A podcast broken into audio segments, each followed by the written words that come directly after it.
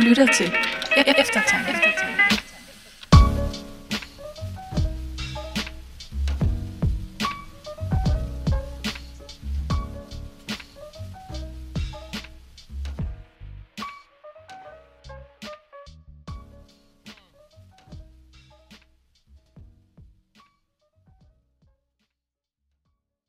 Velkommen til podcasten Eftertanke.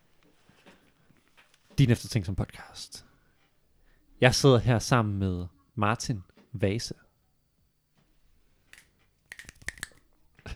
Bekræftet. Troels Nyman Kosmisk jazz. og Jakob Munk.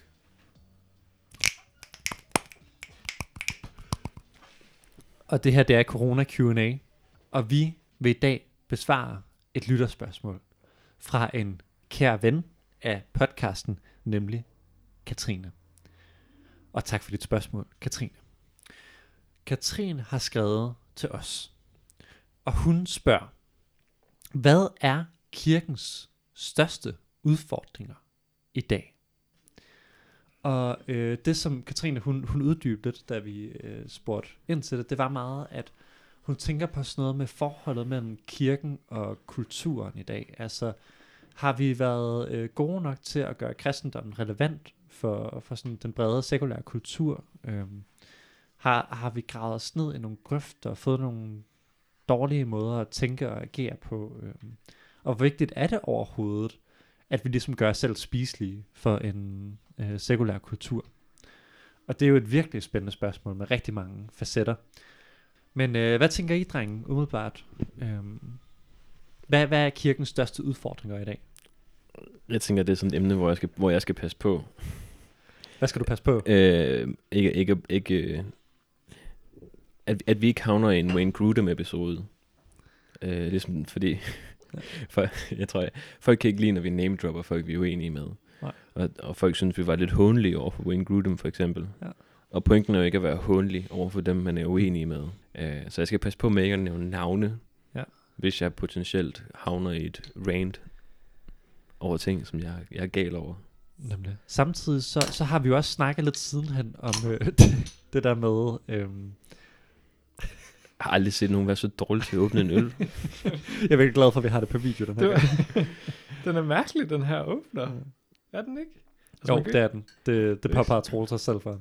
Ja, siger det bare. Øhm, men nej, jeg vil sige, altså vi, vi har jo snakket lidt om sidenhen det der med, at det faktisk nogle gange også kan være meget godt at tage en god, ærlig konflikt. Og så længe det ikke bliver hånende eller sådan nedladende, men at det bliver sådan en, en god og ærlig uenighed, hvor vi vil udfordre nogle idéer. Øh, det, det tænker jeg ikke udgangspunktet behøver at være arrogant. Og jeg kunne Mm. godt lidt tænke mig at høre dig, Troels, blive lidt indigneret. Det må jeg faktisk sige, det, det er Mm. lidt en af mine mål for den her aften. Jeg kunne godt tænke mig at høre dig blive lidt indigneret. Fordi det er ikke altid, at det er dårligt. Øhm, nu må vi se. Ja, men, øh, men, men lad mig høre, Troels. Har du nogle, nogle ting, du gerne vil pege på? Og jeg har rigtig meget. Jeg ved næsten ikke, hvor jeg skal starte. Mm. Mm. Altså, jeg tror næsten, du kunne tage alle vores podcast-emner, jeg vil, og jeg vil have nogle problemer øh, til forskellige sider. Øh, men det handler også, altså sådan, handler også om det, det store perspektiv, altså tæller vi kirken på global plan. Altså den retning, den bevæger sig i der. Er det Europa, eller er det lille Danmark? Er det specifikt folkekirken? Mm. Mm. Øh, og afhængig af hvilket plan vi tænker på, bliver problemerne større og mindre Hmm. øh, på samme tid. Mm. Mm. Sjovt nok. Øh, både altså, problemer, der er meget store Mm. mm. i folkekirken, bliver meget, meget, meget små i det store. Men samtidig er der nogle meget, meget små problemer, der bliver meget, meget, meget store, lige så straks man bevæger sig op i det store. Mm. Mm. Sådan en helt stor perspektiv. Hvor vi taler milliarder af mennesker i stedet. Men altså jo, jeg skal bare, skal jeg bare køre over ting, som jeg nævne ting, som jeg er pissed over. jeg. Det tænker jeg. Øhm, jeg, jeg, jeg er pissed øh, over, øh, over, det, over, over, hvor svært det er at være kvinde i kirken. Det er simpelthen ikke i orden, og det er simpelthen ubibølsk ud af en tangent. Mm. Øh, på, fordi, jamen, vi har, og vi har snakket om det flere gange, Mm. men man behandler, og det, det, kan man så, det kan man så sige, men generelt set, selvom, selvom man har det stærkeste bibelske mandat, man skulle næsten tro, det er løgn, ikke? Mm. Så har, til at behandle mand og kvinde som ligestillede, Mm. mm. som parret op på toppen af, af, af bryllupskagen Mm. i skabelsesordningen, så er det bare ikke den position, kvinden har. Sorry to say. Mm. Sådan er det ikke. Når en kvinde taler i en kristen forsamling, øh, så gør hun det øh, med frygt for, øh, og øh, med blikke, der vurderer, hvad hun laver. Mm. Sådan er det. Altså, der, der, der er nogle seriøse nødgaver, der bliver spildt på gulvet. Mm. Så er der... Ej, det er sådan noget, der kan, gøre, der kan da virkelig gøre mig vred, ikke? Mm. Men det er hele diskussionen om vores helligskrift, om Bibelen, og hvordan vi behandler den, og hvordan vi bruger den. Mm. Altså, fordi nogle gange, så smider vi den vildeste bog, der nogensinde, ikke bare nogensinde, den vildeste bog, der findes, som er en mangfoldighed, en pluralitet af 66 forskellige bøger, et væld af genre, et, et, en, en samling af menneskets kultur, kulturhistorie, og hvordan Gud på, hvad hedder det, utallige måder, øh, har talt til mennesker, og så behandler vi som den, som den mest flade genstand, der findes. Mm. Det pisser mig af. Mm. Øh, Hvad, hvad får det dig til at føle, Troels? Når du oplever den slags? Det kommer vred. det er hellig vrede, du. Ikke, ikke så meget der. Ej, det var præcis det, jeg håbede på, Øh, Troels. Altså bare, bare hold den her gående i tre kvarter. jeg- jeg- jeg- Bare hold den. Og sådan kan man blive ved med at nævne ting. Ja. Jeg, jeg, jeg, jeg synes, det er en skændsel den måde, at, øh, at kirken har behandlet, selv, selv dem med de bedste intentioner, har behandlet øh, spørgsmålet øh, om køn Mm. og seksualitet i en ny kontekst. Mm. Det pisser mig også af, Mm. at man forveksler øh, konser- konservatisme og konservativ seksuel moral med kristen seksuel moral. Mm. Der er overlap. Det er ikke det samme. Mm. Det er det ikke. Det er det simpelthen ikke. Øhm, det pisser mig af, at man bare afviser alt, alt postmoderne filosofi, fordi det er postmoderne. Mm. Om de er bare relativister, og det eneste, man får tilbage i fjeset, er, jamen jeg tror på Gud, jeg tror på Bibelen, skriften er klar. Mm. Det er, det er latterligt. Og det, ja. Altså, nu kommer jeg ud af tangenten. Men, se, men problemet, problemet er, ved du, hvad, kernen i spørgsmålet er, Mm.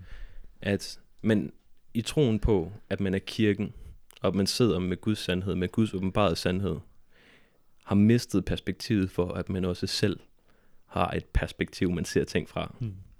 Og der, hvor det meste bliver set fra, er fra sådan meget moderne, ideologisk måde at gå til verden på, hvor alting er meget sort-hvidt. Hvilket så måske, de måske sig selv vil være lidt ked af at blive kaldt nogle gange. Øh, men man er ikke selv opmærksom på sit perspektiv, fordi man bare tænker, at man sidder med den universelle sandhed. Mm. Og det betyder, øh, på måske lidt kortere bane, for, for eksempel for sådan nogen som os, at man ofte kan stå alene med sine spørgsmål, fordi jo, spørgsmål er velkomne, øh, men du kan ikke du kan ikke komme hen til and- andre konklusioner, end dem vi allerede er ved. Mm. Eller man kan også sige det på en anden måde. Man er ikke reddet til at gå hele sin argumentationskæde igennem. Man er ikke villig til at tænke fra scratch, Mm. fordi vi har nogle konklusioner, der er hellige. Men kære venner, øh, konklusioner er intet værd uden argumenter. Mm. Altså, jeg skal have det et sted fra, Mm. og så holder man fast i ting. Og det mest åndssvage er den der sådan ekstremt protektionistiske tanke, ikke? At man på en eller anden måde skal slå et, slå et gære rundt om sandheden, i stedet for bare at have sandheden, Mm. eller lege med den. Jeg er pisseirriteret over, at man tænker sygt pligtetisk om alt muligt. altså, hvad nu hvis... Og se, se, kan I se, hvordan alle problemerne er sådan interlocked og passer sammen? Fordi nu vender vi tilbage til feminisme-ting, ikke? Så kan man mene, at der er noget, der hedder rigtigt og forkert i det spørgsmål. Om hvordan man skal te sig som mand og kvinder, mænd og kvinder, over for hinanden. Øh, og så er man optaget af at sætte en streg i sandet på en eller anden måde. Hvem må hvad, og hvem må ikke hvad, og hvem må gøre det, og hvem må ikke gøre det. Men hvad nu hvis? Hvad nu hvis vi ikke var pligtetikere, og et kønskomplementaritet var en gave, vi skulle varetage, og et rum, vi trådte ind i, i stedet for at det var en streg i sandet? For jeg kunne være tilbøjelig til at sige, jo, kære venner, det er rigtigt nok. I kan stå der med jeres farisæiske gære omkring loven. Ej, det var se, det, se, det er det. Nu gik jeg over grænsen igen. Men der er også et gære til den anden side, Mm. så man kan bevæge, komme til at bevæge sig langt ud over, der hedder, at man faktisk kan komme til at... Ej, det er et voldsomt ord at bruge, ikke? Men jo, at undertrykke halvdelen af menigheden, Mm. af befolkningen. Det sker.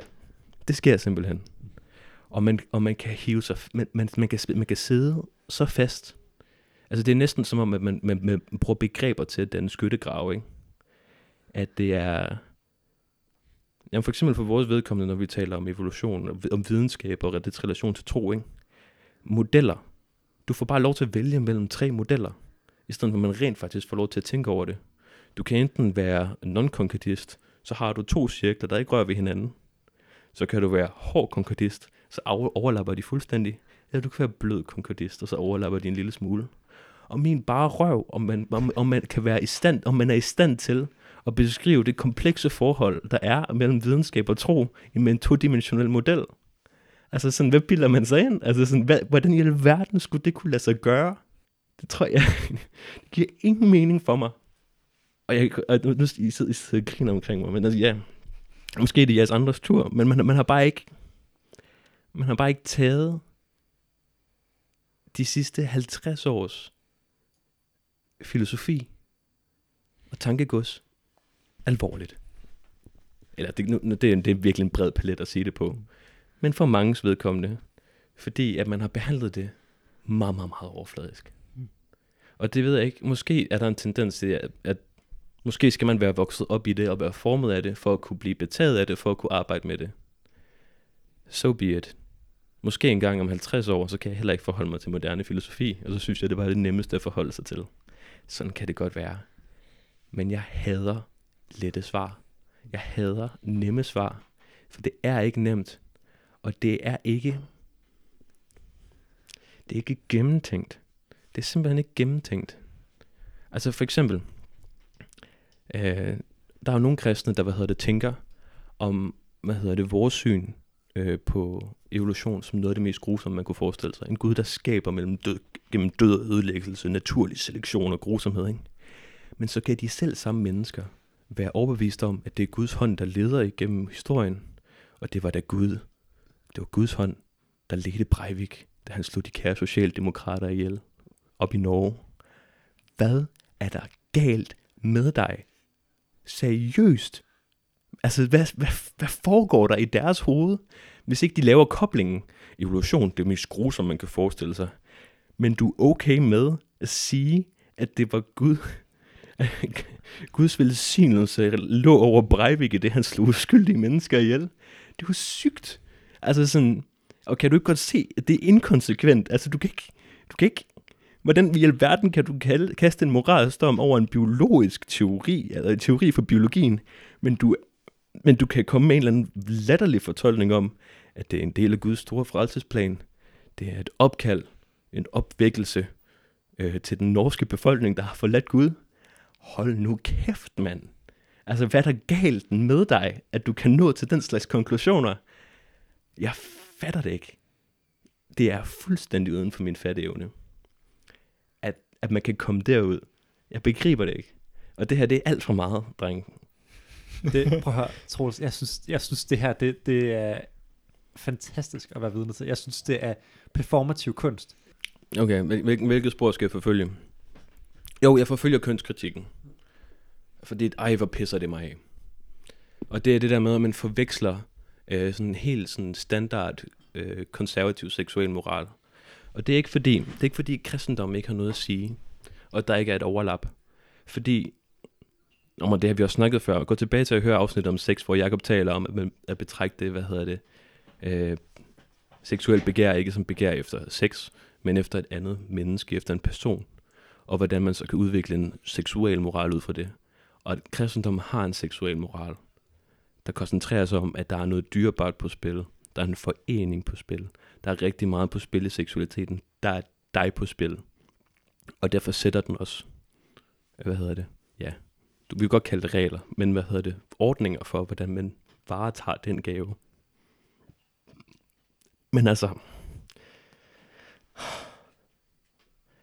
lad dog være, lad nu, lad nu være med at forveksle det med sådan noget, med, med, med bare at på en eller anden måde fastholde en eller anden idé, en eller anden reaktionær idé om en eller anden fortid, hvor det var bedre.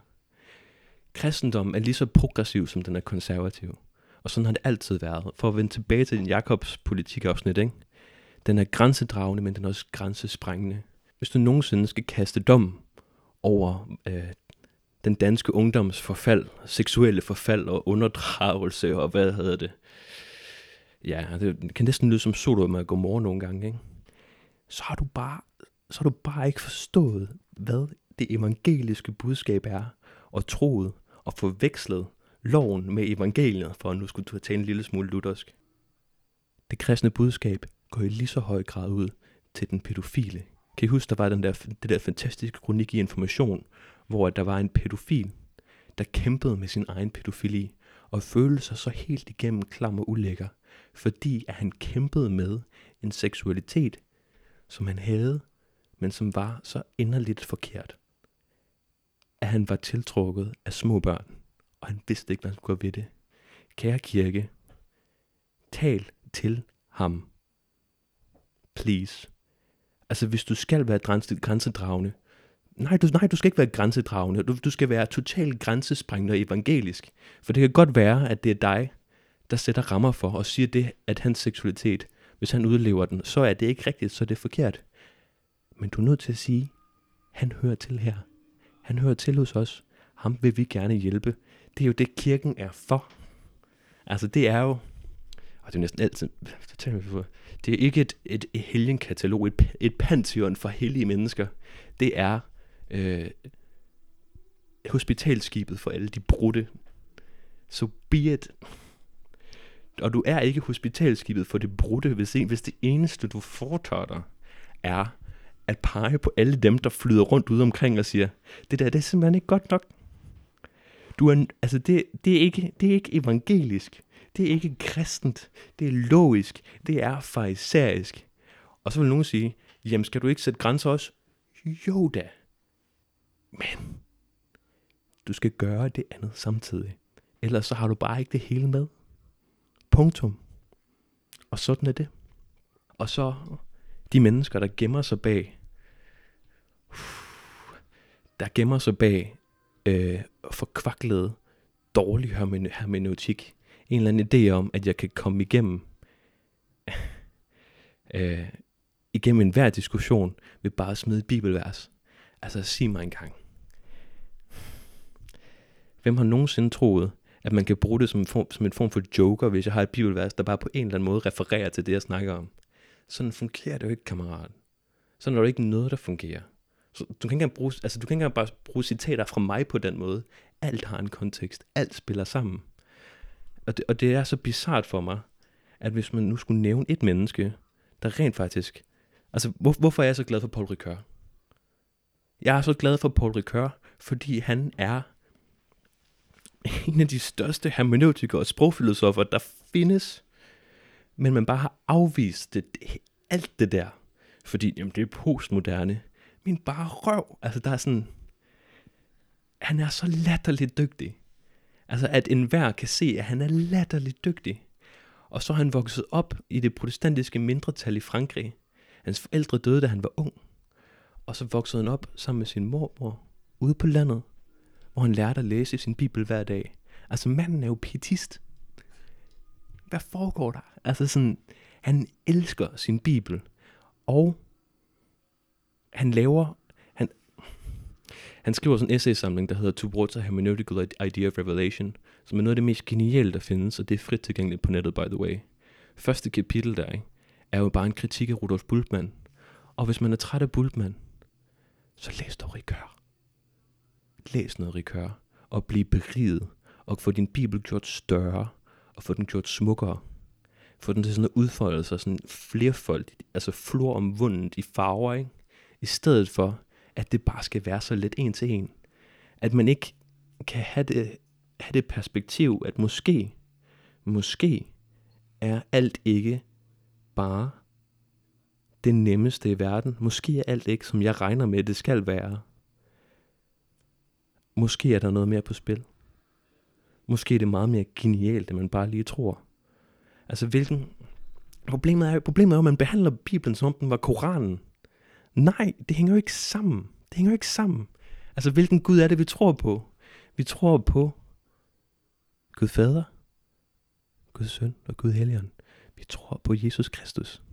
Den inkarnerede Gud. Gud, der blev menneske. Gud, der åbenbarede sig ved at komme ned og vidderligt blive et menneske for at fortælle os om, hvem han var. Måske skulle vi bare lige, bare lige overveje, om det siger noget om, hvordan han agerer, og hvordan han behandler mennesker, om hvordan han taler til os. Hvorfor, hvorfor skal det gøres så latterligt fladt? Jeg fatter det ikke. Og man kan komme med alle mulige idéer om, at man skal tale om genre, genre, genre, genre, men der er ikke nogen, der behandler Bibelen, som om den rent faktisk har genre. Men man behandler den praktisk talt, som om den bare er et katalog af teologiske læresætninger, og min bare rører den af det. Det gider jeg da ikke have. Hvem gider have det? Andet end selvfølgelig teologer, sjovt nok. Ej, det skal heller ikke være disse teologer. Men det er bare... Men man ender med, i sin, i, i, i, ved, og det er så bizart, ikke? I kærlighed til Guds ord mister man netop det Guds ord. Han mister fuldstændig sin ret til at rent faktisk at tale ind i dit liv, fordi det hele er så freaking flat. I stedet for, at det er en vanvittig opdagelsesrejse i 3D gennem menneskets historie, og om hvordan Gud gentagende gange har talt til det. Nu taber jeg lidt pusen. Hvad, hvad mangler jeg at sige? Jo, nej, ved I hvad? Ved I hvad? Nu skal jeg komme med et eksempel. Nu skal jeg komme med et eksempel på, hvorfor at... Øh, altså, hvordan den der... I virkeligheden, det, I virkeligheden er det så bizart, ikke?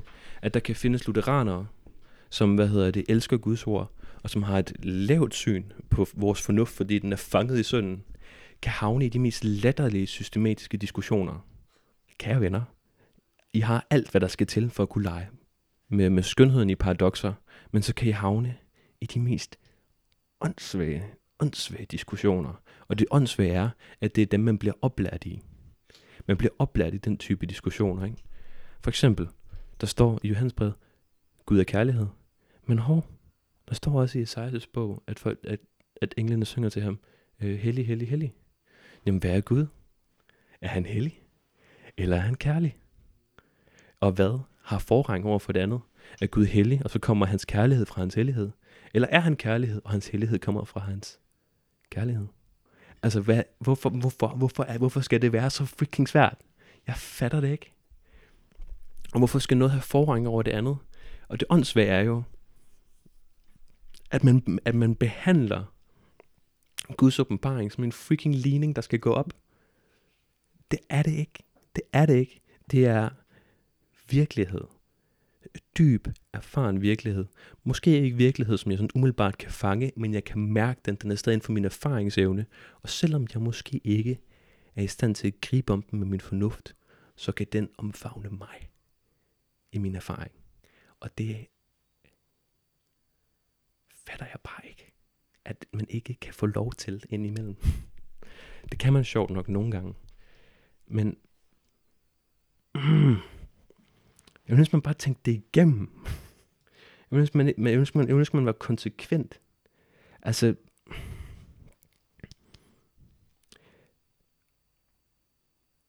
ja, jeg vil ønske, man var konsekvent. Jeg ville ønske, det på en eller anden måde løb igennem det hele. Jeg vil ønske, man fik de forskellige dele af, af kirken til at tale sammen. Jeg vil ønske, at, hvad hedder det, at når jeg, når jeg bruger rikør, og, og siger, at den Gud, der åbenbarer sig, er samtidig den Gud, der skjuler sig, at folk ikke var sådan, hov, der er et eller andet galt her. Fordi du bruger det der skjulte Gud-begreb, jeg har fået fra Luther, i en anden sammenhæng, end han brugte det i. Halløjsa, er det virkelig i orden? Og så får man bare den der skepsis. Og det er sådan, jamen kære ven, umiddelbart godt, lyt, lyt til din skepsis. Altså du har den fra, du er oplært i noget, det skal du bruge, du har et udgangspunkt, det er fantastisk. Men du kan ikke afvise holdninger, bare fordi, at de lyder nye. Det er det mest latterlige udgangspunkt, der findes. Og lad nu være med at behandle alt, alt der ikke er kristendom, som om, at det kom fra djævlen selv. Fordi sandheden er, at langt det meste af det, mennesker står på mål for, ikke er hele løgne. Det er halve sandheder, der er blevet til hele løgne kommunisme er ikke, det, er, ikke, er ikke ondskab. Nej, det er en utopisk drøm om, at vi alle er lige. Marxisme handler ikke om, at der er, hvad hedder det, marxisme handler jo om, at der er nogle mennesker, der bliver undertrykt. Det er jo sådan hele konceptet. Det fungerer jo kun, fordi der er rent faktisk er nogle mennesker, der har den oplevelse. Og ja, det kan havne i offermentalitet. So be it. Sådan at, altså, nej, sådan kan man ikke behandle ting. Ligesom Nietzsche er heller ikke en nar. Nietzsche er et begavet menneske, der får det til at eksplodere op i dit hoved, hver eneste gang du bevæger dig igennem det, han er gang i. Der er jeg det, det, kan simpelthen ikke passe, at det eneste, vi skal have gang i, det eneste, vi gider læse, ikke engang er sådan ude i den, altså i de brede arkiver, det hele arkivet fra den kristne kirke, men det skal bare skrænkes ind igen og igen og igen og igen og igen og igen. Og til sidst så lytter vi kun til nogle få enkelte personer, som ligesom står med det hele. Og problemet er, at de sidder hummerfast i 70'erne, og er ikke kommet et skridt videre. Og så behandler vi dem som sådan nogle profetiske koryfæer, der kan udtale sig om hvad som helst. Og nej, det kan godt være, at de er i stand til at udlægge Bibelen, så det, så det slår gnister. Men det betyder ikke, at de lige pludselig ved alt om kønskritik. Det betyder ikke, at de lige pludselig ved alt om evolution.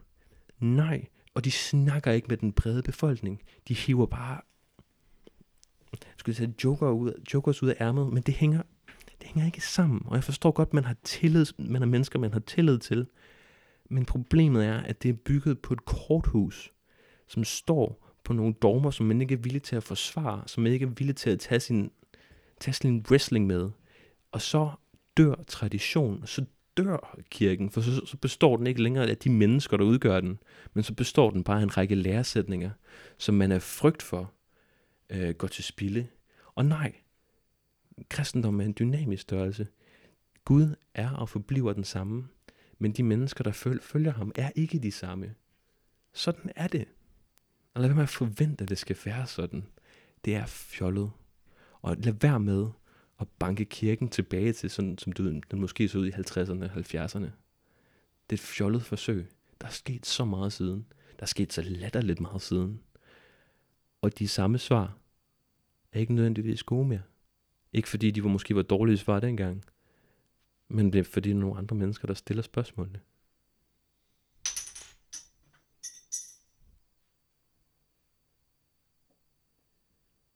Det var meget Blackmans, det her. Jeg ved slet ikke, hvad jeg skal sige det. Jeg, jeg, I virkeligheden er jeg jo faktisk slet ikke nervøs for kirken. Sådan i det, i det store perspektiv. Altså det, det, det er den stærkeste institution, der findes, så det kan ikke gå helt galt. Men, men måske, vi trænger måske nogle gange lidt til generationsskift. ja, det er virkelig, det, okay, det er virkelig en hul ting at sige efter det her. Jamen, jeg, jeg hader, jeg hader, jeg hader, at man behandler postmoderne som ren relativisme. For det betyder bare, at ens respons på det bliver ensidig og nem. Og det er, derfor, og det er derfor, det er derfor, man havner i sådan en latterlig idé som, ikke? Konkret eksempel. Roland Barthes, 68, erklærer forfatteren for død, ikke? Og det er ligesom en idé, vi ligesom har kørt med lige siden. Eller det er det så bare overhovedet ikke, by the way. Men den der, om det er bare det er op til fortolkning, sådan fortolker det ikke, og vi kan alle, alle fortolkninger lige gode, vi kan fortolke alt i alt uendelighed. Responsen på det er ikke, at læsningen er åbenlys. Eller for at, sagt, for at sige det øh, på, på kirkeligt, skriften er klar.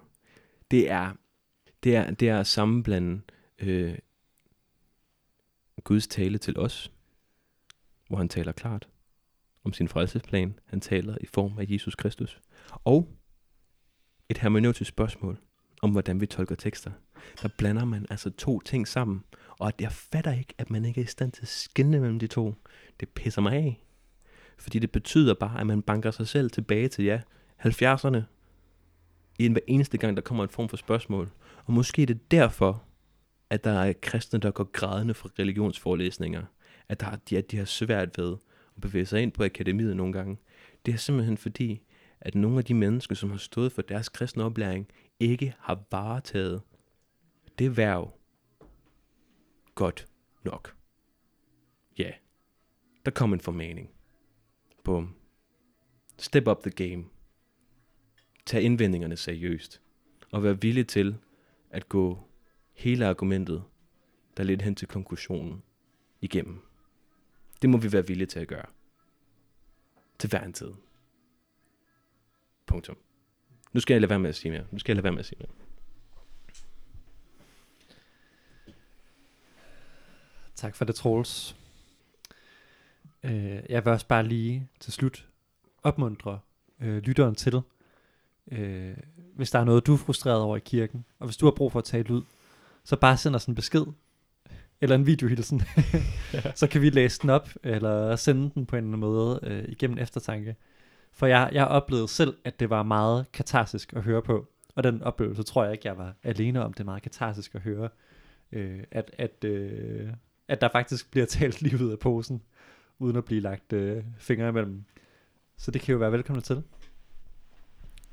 Og så er der bare at sige tak, fordi I lyttede med. Og vi høres ved.